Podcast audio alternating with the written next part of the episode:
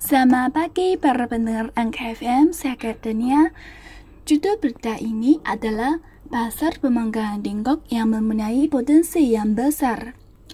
Kebiasaan makan yang berbeda membuat bidang makanan pemanggangan di Dingkok kira-kira sampai tahun 2000 baru menunjukkan kedinamisan yang kuat dan masuk ke tahapan pengembangan pesat.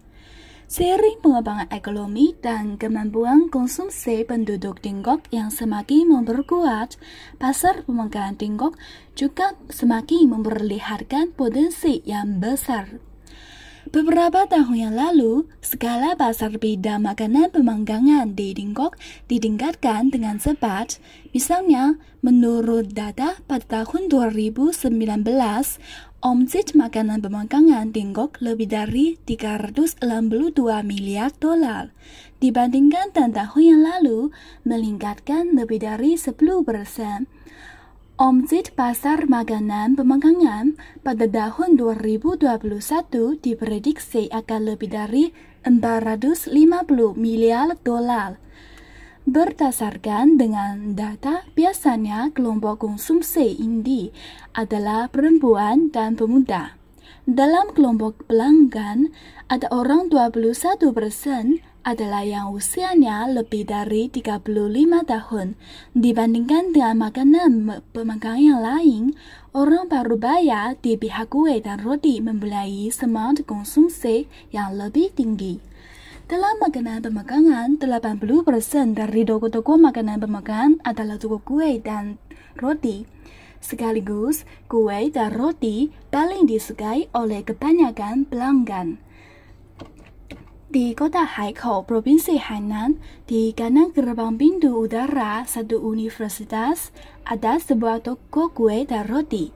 Menurut tuan toko, dia memutuskan membuka toko ini karena dia sangat berminat dengan membuat kue dan roti. Dan berpikir, kue dan roti ada pasar yang sangat besar. Setelah tamu mencicipi roti, karena mereka merasa enak dan sering membelinya, tuan akan merasa sangat bahagia. Sampai sekarang, dia sudah menyelenggara toko ini lima tahun. 70% dari pelanggannya adalah pemuda dan perempuan, seperti mahasiswa-mahasiswa di sekitarnya. Dia berkata, selain gaji petugas-petugas toko, biaya bahan baku, biaya mesin, biaya listrik dan air, dan biaya sewa rumah setiap bulan, setelah membentuk efek merek dan berakumulasi sumber belakang, keuntungan satu bulan antara 2.500 yuan sampai 4.000 yuan. Selain itu, untuk bertambah pendapatan, dia masih merupakan penulis Love Amadair. Karena sejak SMA, dia suka membaca buku dan membuat karangan dan love you. Pada masa awal, dia juga menghadapi bermacam-macam masalah. Tetapi sekarang dia sudah ada pengalaman-pengalaman lah. Dia berpikir inovasi adalah sukma setiap unsur yang menyelesaikan proses pembuat dan proses pembelian penjualan adalah dasar. Menurut pengalamannya, Pertama, memilih tempat yang ada banyak orang tinggal dan bekerja sebagai posisi toko, seperti di sekitar universitas, pusat kota, dan lain-lain. Kedua, sebanyak mungkin menghemat biaya, tetapi harus di bawah premis menjamin kualitas produk tinggi dan kualitas pelayanan tinggi lalu memilih saluran pembeli bahan baku yang cocok, membeli gaji yang cocok kepada petugas, menentukan aturan yang bersangkutan untuk membuat petugas ada kesadaran yang menghemat sumber dalam toko. Ketika melatih petugas meledikan pelayanan yang bagus, memberi soal yang menghadapi masalah, dan menuntut mereka memberi umpan balik secara tepat waktu. Keempat, mendirikan aturan imbalan dan aturan hukuman untuk meningkatkan sifat positif dan rasa tanggung jawab seperti membeli bonus kepada petugas.